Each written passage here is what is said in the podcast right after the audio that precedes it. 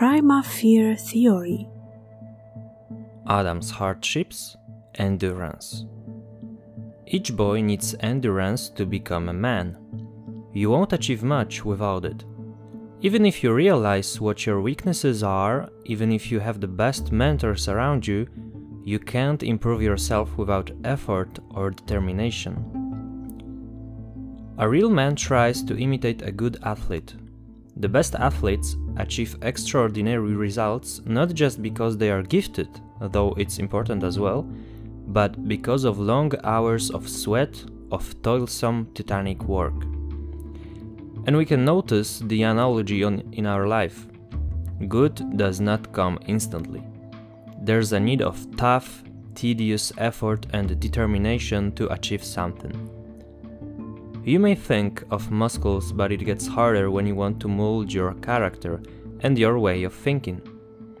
Why is this so difficult? Here's a couple of reasons. One of them is the way we were brought up.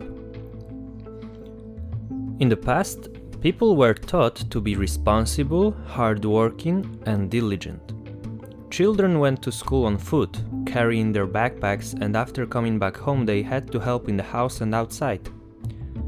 On the other hand, the society raised right now is weak and clumsy.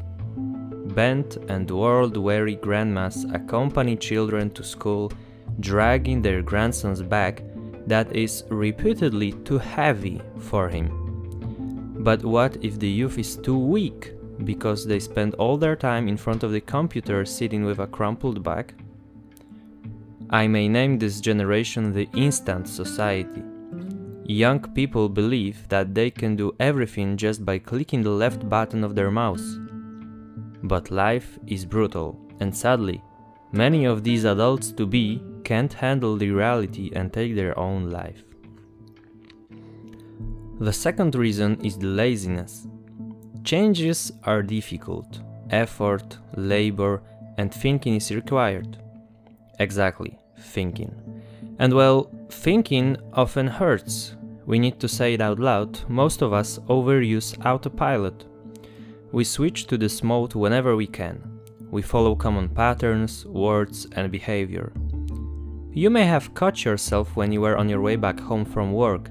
Suddenly you realize that you don't remember all these crossed junctions, turns, and so on, but now you are in front of your house. Yes, you just made use of autopilot. How then can we develop endurance? Definition of endurance First of all, you must be aware of what endurance is. It's a trait that means relentless, persistent, steadfast, and patient stand in the face of obstacles, persecution, hardships, difficulties, and temptations.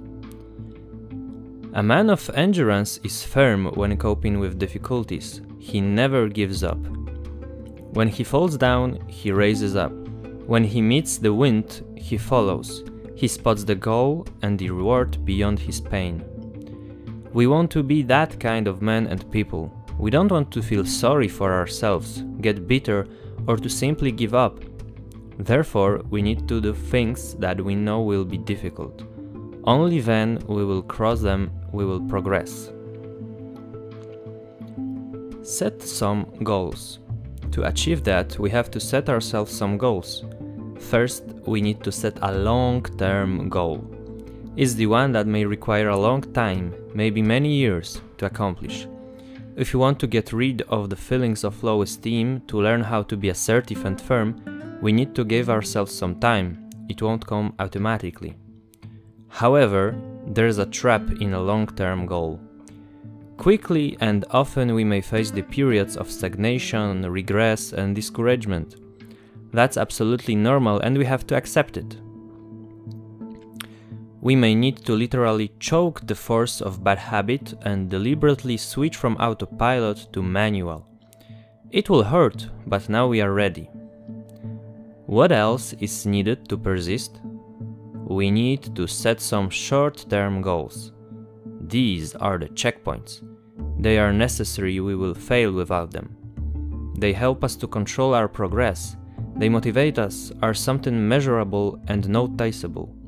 They let us keep the smile on our face and warm us to the further toil.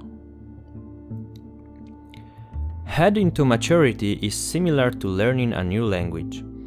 What is interesting, due to our brain's abilities, there is no difference if you learn a new language at the age of 5 or 90.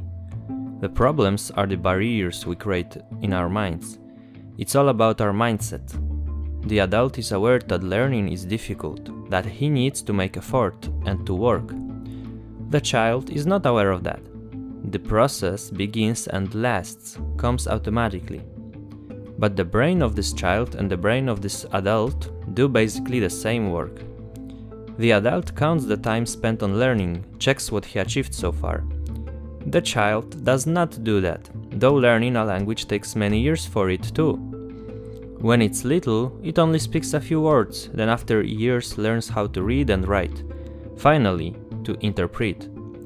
Though we may say that the adult learns faster because he captures all these fields at once, but he judges the time in a different way, being aware of how much work is ahead of him and what mistakes he made. We can clearly see that time is necessary to become a mature man. Don't refrain from giving yourself plenty of time. Enjoy even the smallest success. Remember that a sinful man has the right to fall. But what counts is not how many times you fall, but how many times you get up. And remember, Never give up. Find out more on pdolsky.com.